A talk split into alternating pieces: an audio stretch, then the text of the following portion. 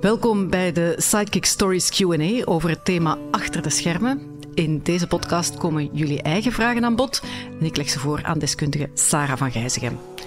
De eerste is van zorgjuf Lieselot. Hallo, ik ben Lieselot en ik ben zorgjuf. En ik vroeg mij af hoe we er kunnen voor zorgen dat we een beter overzicht hebben over wat de leerlingen doen op sociale media en op die manier ruzies kunnen vermijden. Ja, ik denk dat het belangrijk is dat je weet wat er allemaal is op vlak van sociale media. Ehm, en eigenlijk is het een goed idee om elke app te installeren die je leerlingen ook hebben. Dus uh, steek je licht eens op van waarop zitten jullie zoal.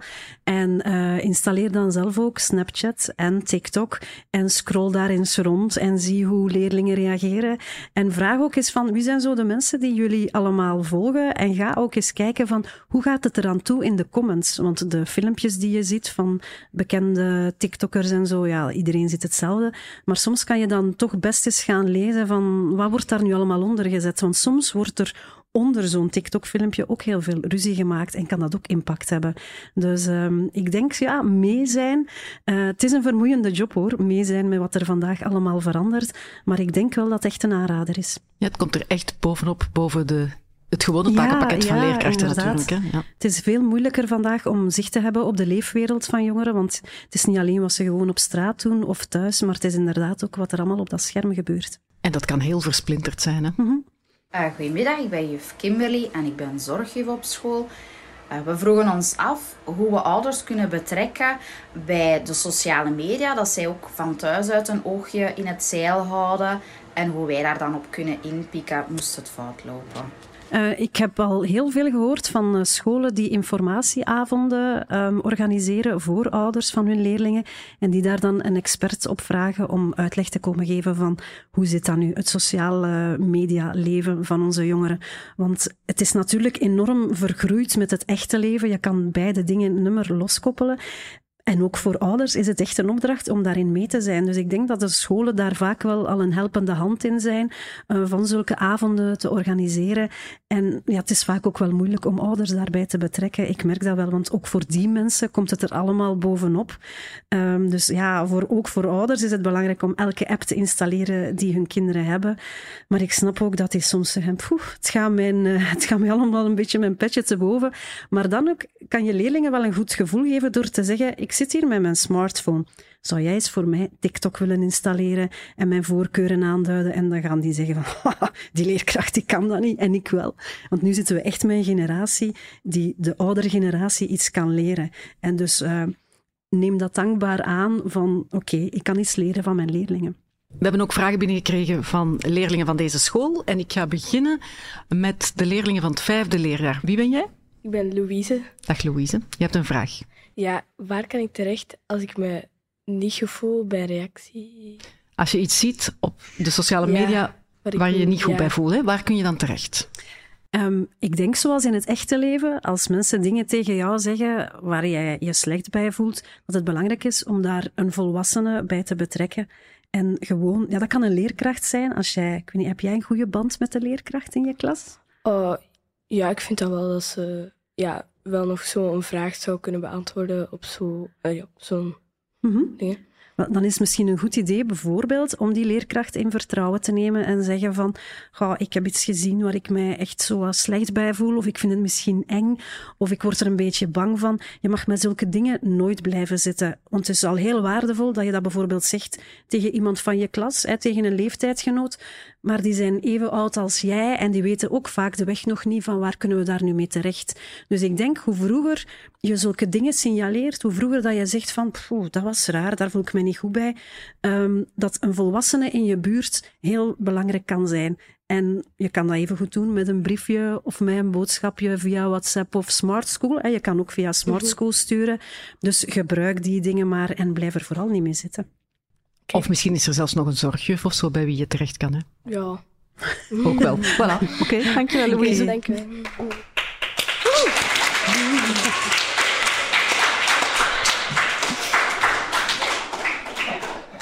Hoe is jouw naam? Zita. Dag Zita. Jij hebt ook een vraag, hè? Ja. Stel maar. Wat wordt er gedaan met filmpjes die niet lief zijn? Ja, ik, als je bedoelt dat het filmpjes zijn die over iemand gaan en die daarin gekwetst wordt, dan denk ik dat het heel belangrijk is dat je dat ook niet zomaar uh, laat passeren, maar dat je die persoon ook gaat steunen. Want dat is nog niet alles. Hè? Want neem nu jouw beste vriend. Het gaat over hem in zo'n filmpje en die wordt daar belachelijk gemaakt of uitgelachen. Dan kan je tegen die vriend zeggen van, hey, dat is echt niet leuk voor jou, ik ben er voor jou. En dat is super, super waardevol dat hij dan vrienden rond zich heeft waar die steun bij kan vinden. Maar die filmpjes moeten wel offline gehaald worden. Zo'n mhm. filmpje mag niet blijven circuleren, want dat wordt doorgestuurd en doorgestuurd. En voor je het weet heeft dat misschien 10.000 views. Dus dan kan je best een leerkracht bijvoorbeeld aanspreken of een volwassene. En die weten dan de weg om dat filmpje offline te laten halen. Dus je kan TikTok zelf contacteren of Instagram. En dan kunnen er stappen gezet worden om die filmpjes offline te halen. Ze moeten gewoon zo snel mogelijk weg, want dat is heel kwetsend van die filmpjes. Oké. Oké. Okay. Hoe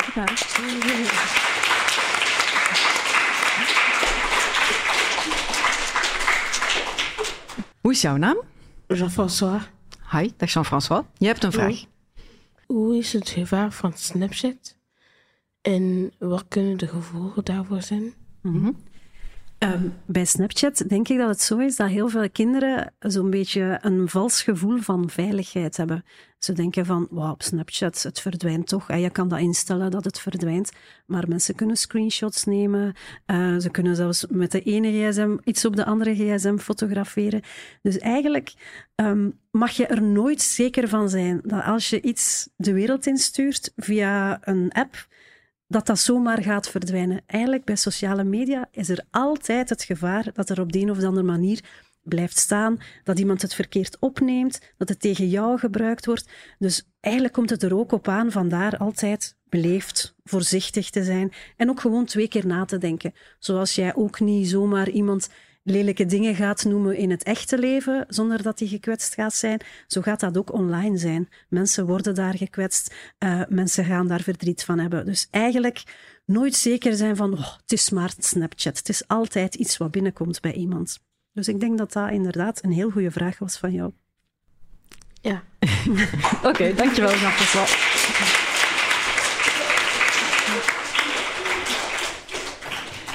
Hallo, jij bent? Miel. Dag Miel. Jij hebt ook een vraag, hè? Ja. Klopt het als kinderen te lang op een scherm zitten dat ze dan boos worden? Ik denk dat het misschien niet door het scherm is of door wat dat ze daar lezen, maar ik denk dat iedereen van ons gewoon nood heeft aan genoeg beweging. En dat je misschien uh, sneller zo gefrustreerd geraakt als je eens niet bewogen hebt. Dat is op school ook zo. Je hebt die speeltijd nodig. Hè? Je hebt die middagpauze nodig om eens te kunnen, ah, eens, eens te kunnen uit de bol gaan, eens goed te bewegen. Dus ik denk inderdaad, als, als kinderen heel lang voor een scherm zitten en ze kijken misschien naar het ene filmpje en het andere, dat ze gewoon heel boos kunnen reageren omdat je lichaam niet kunnen bewegen heeft. Je ogen bewegen, je geest beweegt, maar je lichaam heeft dat ook nodig om eens te kunnen bewegen. Dus ik kan mij voorstellen dat ze dan inderdaad een beetje meer geïrriteerd uit de hoek gaan komen. Ja. Is dat een antwoord op jouw vraag? Oké, ja. dankjewel. Okay. Hallo, jij bent? Ruben. Dag Ruben, jij hebt een vraag over? TikTok. Vertel eens. Uh, is TikTok gevaarlijk voor kinderen onder de 10 tot 12 jaar? Wel, er zijn heel veel slimme mensen, deskundigen, die aanraden van wacht nog maar een beetje met TikTok, bijvoorbeeld tot je 13 jaar bent of zo. Maar in de praktijk, ik zie jou zo kijken, really? Wachten tot mijn 13? In de praktijk uh, zitten heel veel jonge, jongere kinderen daarop. En nu, het gevaar bij TikTok is dat je bijvoorbeeld op foute informatie komt of te veel van hetzelfde gaat zien. En daarom is het eigenlijk een goed idee om bijvoorbeeld wekelijks met een volwassene eens naar de For You-page te kijken. En daaraan kan je wel zien waarop heeft dit kind nu heel veel geklikt en is dat wel oké en is dat gevaarlijk. En er gewoon ook heel veel over te praten. Zelf als leerling, als kind, van regelmatig is een volwassene leer maar eens aan die volwassenen hoe ze met TikTok moeten omgaan. Jullie kunnen dat uitleggen. Maar van daar samen eens naar te kijken van, is dat nu wel oké wat ik allemaal zie? En wat vindt die volwassenen daarvan? Want ze steken het misschien weg, maar leerkrachten en volwassenen zijn eigenlijk heel verstandige mensen hoor. Dus uh, die gaan daar zeker graag eens met jou naar kijken en over praten. Oké. Okay. Oké. Okay. Dankjewel. Dag.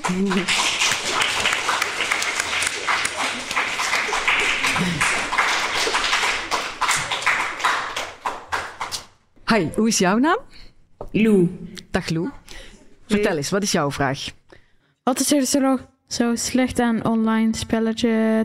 Online spelletjes en games zijn in C niet slecht. Ehm, maar ik denk dat veel leerkrachten en ouders misschien dat vaak slecht gaan noemen, omdat het wel een beetje een verslavend effect heeft. En als kinderen alleen maar online spelletjes gaan doen, dan bewegen ze te weinig en dat is niet goed voor hun gezondheid, het is niet goed voor hun ogen. Um, en misschien willen ze altijd maar meer, want je gaat sneller naar een volgend level dan en zo. Dus ik denk, dat is er misschien minder leuk aan, dat het een beetje verslavend kan zijn. Maar ze zijn zeker niet slecht, want er zijn zelfs onderzoeken gebeurd die aantonen dat het goed is voor je oog-handcoördinatie als je samenspeelt wordt het ook iets sociaals. Dus je kan het samen met vrienden doen. Dus het is zeker niet allemaal slecht. Oké. Okay. Dankjewel, Lou.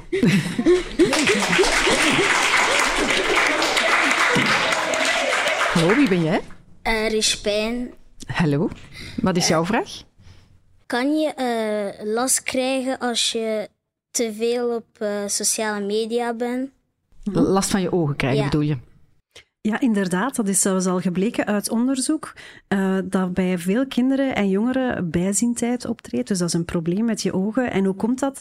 Eigenlijk zijn onze ogen gemaakt om een hele dag eens dichtbij, eens veraf, eens heel erg in de verte, dan weer heel kortbij zo kijken, daar zijn onze ogen eigenlijk voor gemaakt. Hè. Zo zitten die in ons hoofd. Maar wat gebeurt er nu? Doordat wij veel op een schermpje kijken, is dat constant dichtbij dat we aan het focussen zijn. Dus inderdaad, er ontstaan wel wat oogproblemen daardoor. En daarom zeggen ze ook, als je twintig minuten op een scherm gekeken hebt, dat je best ook twintig seconden een beetje in de verte staart en dat je ook best regelmatig overdag wat buiten loopt, wat rondkijkt in de wijde omgeving en dan geef je je ogen ook weer eens een andere focus. En dan ga je niet zo snel oogproblemen krijgen. Dankjewel. Heel ja, graag gedaan. Dankjewel.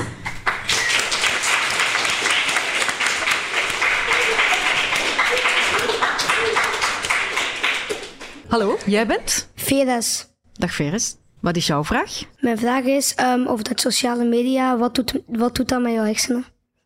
Dat doet gigantisch veel met je hersenen. Ik denk dat je er effectief slimmer kunt van worden, omdat je heel veel informatie opneemt. Um, aan de andere kant kan je er uh, ook gelukkig van worden. Dus dan komen er stofjes in je hersenen vrij.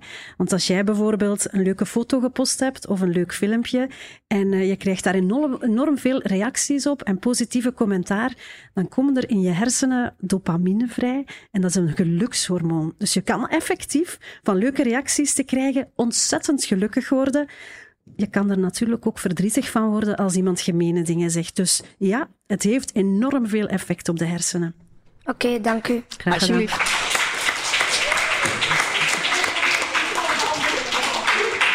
Wie ben jij? Fem. Dag Ferm. En wat is jouw vraag? Uh, wat is de veiligste app?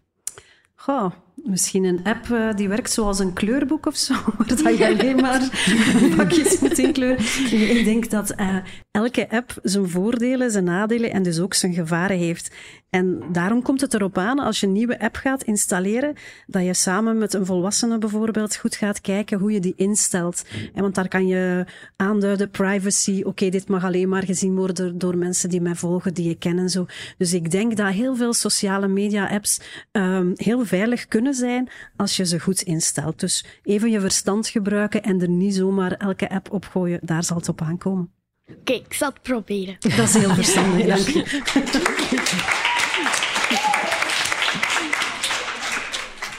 Hallo, wie ben jij? Gael.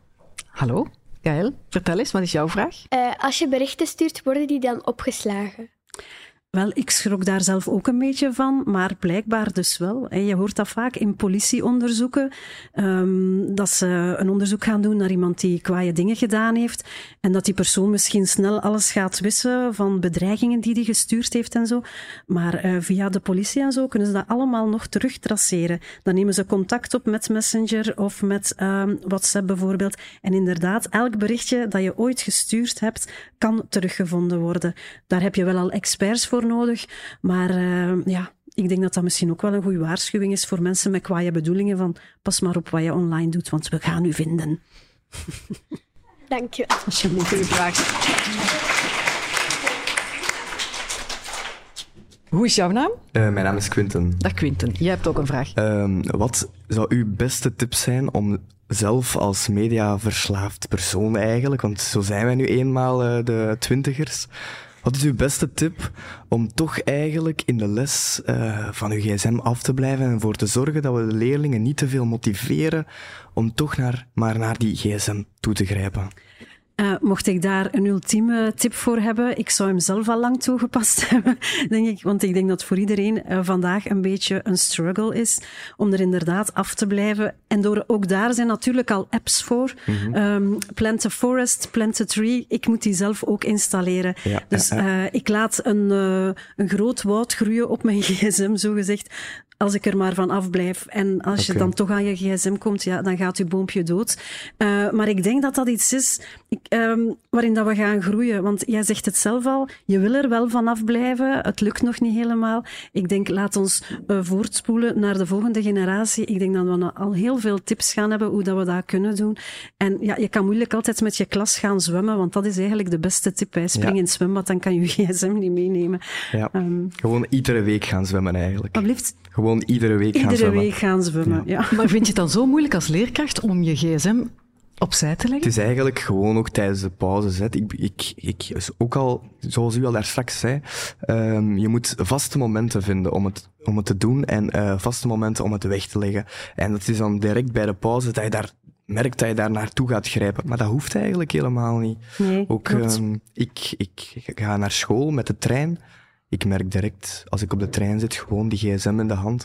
Maar eigenlijk, ja, dat hoeft helemaal niet. Het is natuurlijk, het is, het is je nieuws, het is je krant, het is je amusement in één klein doosje verpakt. Mm. Dus het is er gewoon altijd. En uh, dat wordt vaak nu zo benoemd. Zo, ja, we kunnen ons niet meer vervelen.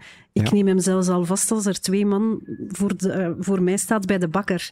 Dus eigenlijk is dat, ja, ik kan ook eens opkijken en een praatje doen. En ik denk, je mag ook niet van jezelf verwachten van ik ga nu eens een dag zonder. Ja. Maar ik denk als we zo onze doel, ik probeer, ik zet daar ook zo um, limieten op. Dus ik mag per dag van mezelf Zoveel uur. een half uur op Instagram, een half uur op Facebook. Ik zet dat in, maar ik kan dat natuurlijk ook omzeilen door te klikken van nog een kwartier. Maar ik probeer dat wel als bewustwording.